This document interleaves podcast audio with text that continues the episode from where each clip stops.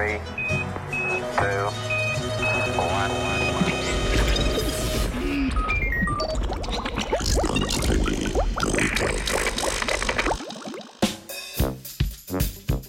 Boj s komarji ne pojenja.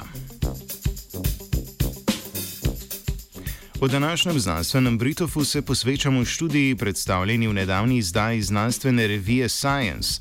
Raziskovalni skupini iz Združenih držav Amerike in Burkina Faso sta združili moči v iskanju novih orodij, ki bi pripomogla k zmanjševanju populacije komarjev, ti, ki so prenašalci malarije. Malarija je ena najpogostejših tropskih bolezni. Poleg visoke obolevnosti je za malarijo značilna tudi visoka umrljivost. Bolezen povzročajo plazmodi, to so paraziti, ki jih z ugrizom na človeka prenašajo okužene samice komarjev iz rodu Anopheles. Na endemičnem območju malarije živi več kot 2 milijardi ljudi. Najbolj ogrožen predel sveta je podsaharska Afrika, kjer letno zaznajo preko 200 milijonov primerov okužb.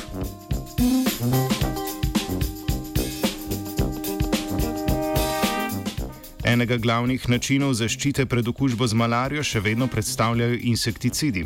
Žal so komarji v podsaharski Afriki v zadnjih letih postali vse bolj odporni proti uporabljenim insekticidom. Tako se od znanstvenikov in znanstvenic vse bolj zahteva naj poiščejo drugačne načine preprečevanja novih okužb.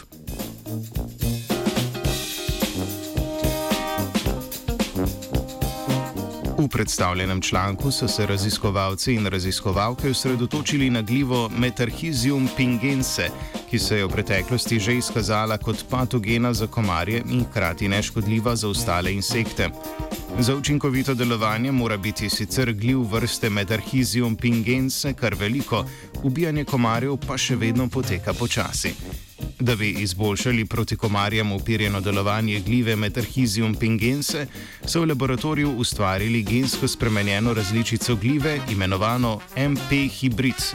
Glivi so v genom ustavili toksin pajka, imenovan hibrid.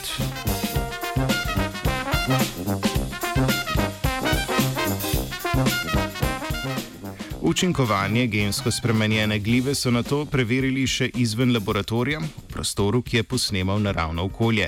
V prvotnem poskusu so izvedli tri različice. V prvi kontrolni skupini so sezamovim oljem impregnirali črne bombažne rjuhe in jih obesili v koči, v kateri so izvedli poskus. V kočo so postavili tudi telička za hranjenje in na to vanjo spustili komarke. Po hranjenju so komarke počivale na teh črnih rjuhah.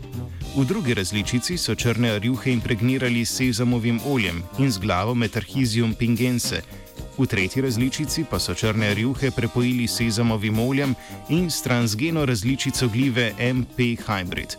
Pri komarkah okuženih z MP hybridom so zaznali bistveno krajšo življenjsko dobo.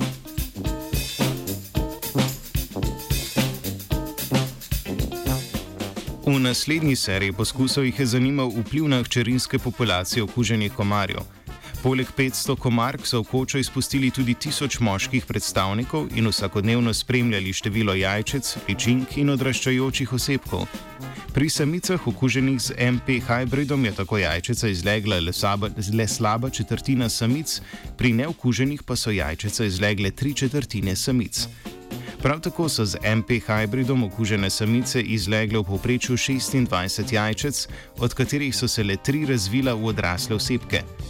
Pri neokuženih samicah so v povprečju našteli 139 izleženih jajčec, od katerih se jih je več kot polovica razvila v odrasle osebke.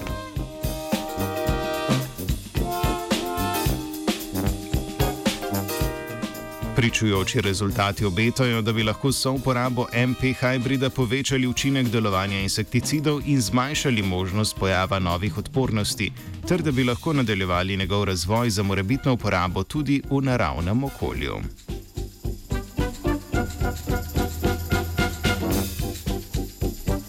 Pred roji nadležnih komarjev je bežala Nataša.